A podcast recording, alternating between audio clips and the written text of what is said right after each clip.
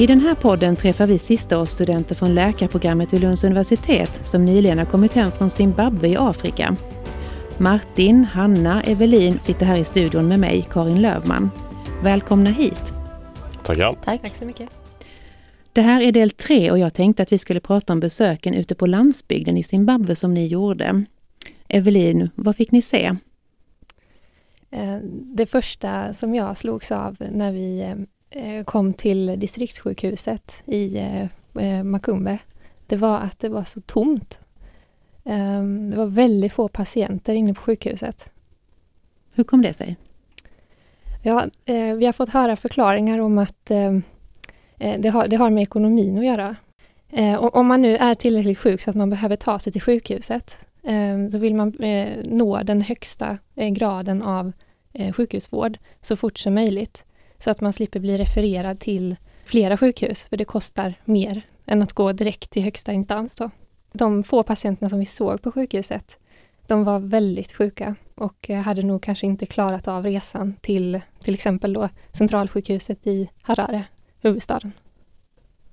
Men vad fanns det då för möjligheter att ge bra vård? Martin? kompetensmässigt tror jag det nog det fanns ganska bra möjligheter. Det känner jag generellt i hela Zimbabwe att läkarna var väldigt, väldigt duktiga.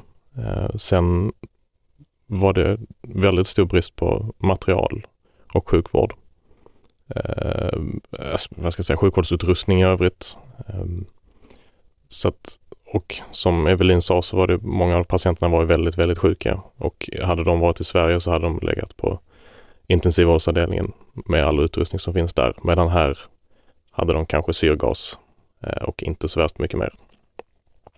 Eh, men sen var vi också på mödravården ute på distriktssjukhuset och där ja, jag, jag, tror att de hade möjlighet att göra kejsarsnitt, men inte så värst mycket mer, utan det var mest eh, omvårdnad, eller man ska säga, inte så mycket medicin. Var ni riktigt långt ute på landet någon gång? det distriktssjukhuset vi eh, besökte i Makumbe då eh, låg väl ungefär eh, två timmar, en och en halv, två timmar eh, på väldigt eh, dåliga vägar från huvudstaden eh, Harare. Ehm, det, det kändes som att det, det, var väldigt långt bort från huvudstaden men rent geografiskt sett så, så var det inte så långt.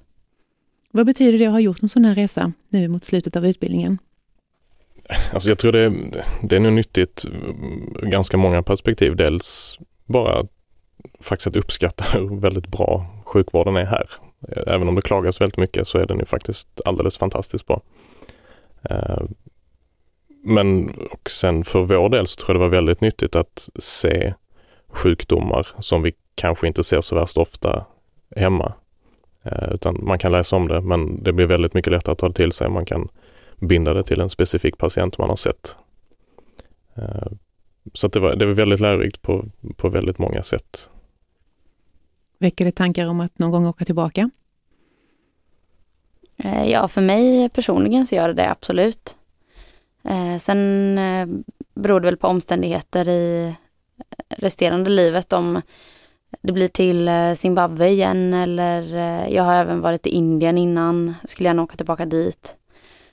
Men jag tror, precis som Martin säger, att man lär sig otroligt mycket när man ser en annan typ av sjukvård än den vi har här hemma. Och eh, även att man breddar sina perspektiv.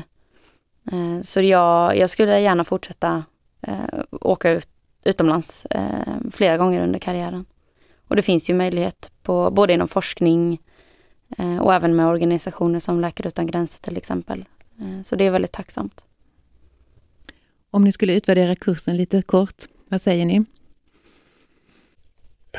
Alltså det har, det har varit väldigt mycket. Det har dels varit väldigt, väldigt lärorikt, men också som jag sagt nu väldigt, väldigt frustrerande. Eh, framförallt eftersom vi har mest haft barnpatienter.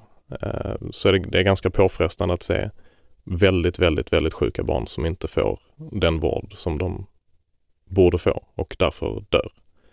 Eh, så det, det, har varit väldigt jobbigt på så sätt eh, samtidigt som jag det, det, har varit väldigt lärorikt och det har varit intressant att få, ett, eh, få nya perspektiv på sjukvård. Tack för att ni kom hit. Tack själv. Tack, tack. tack.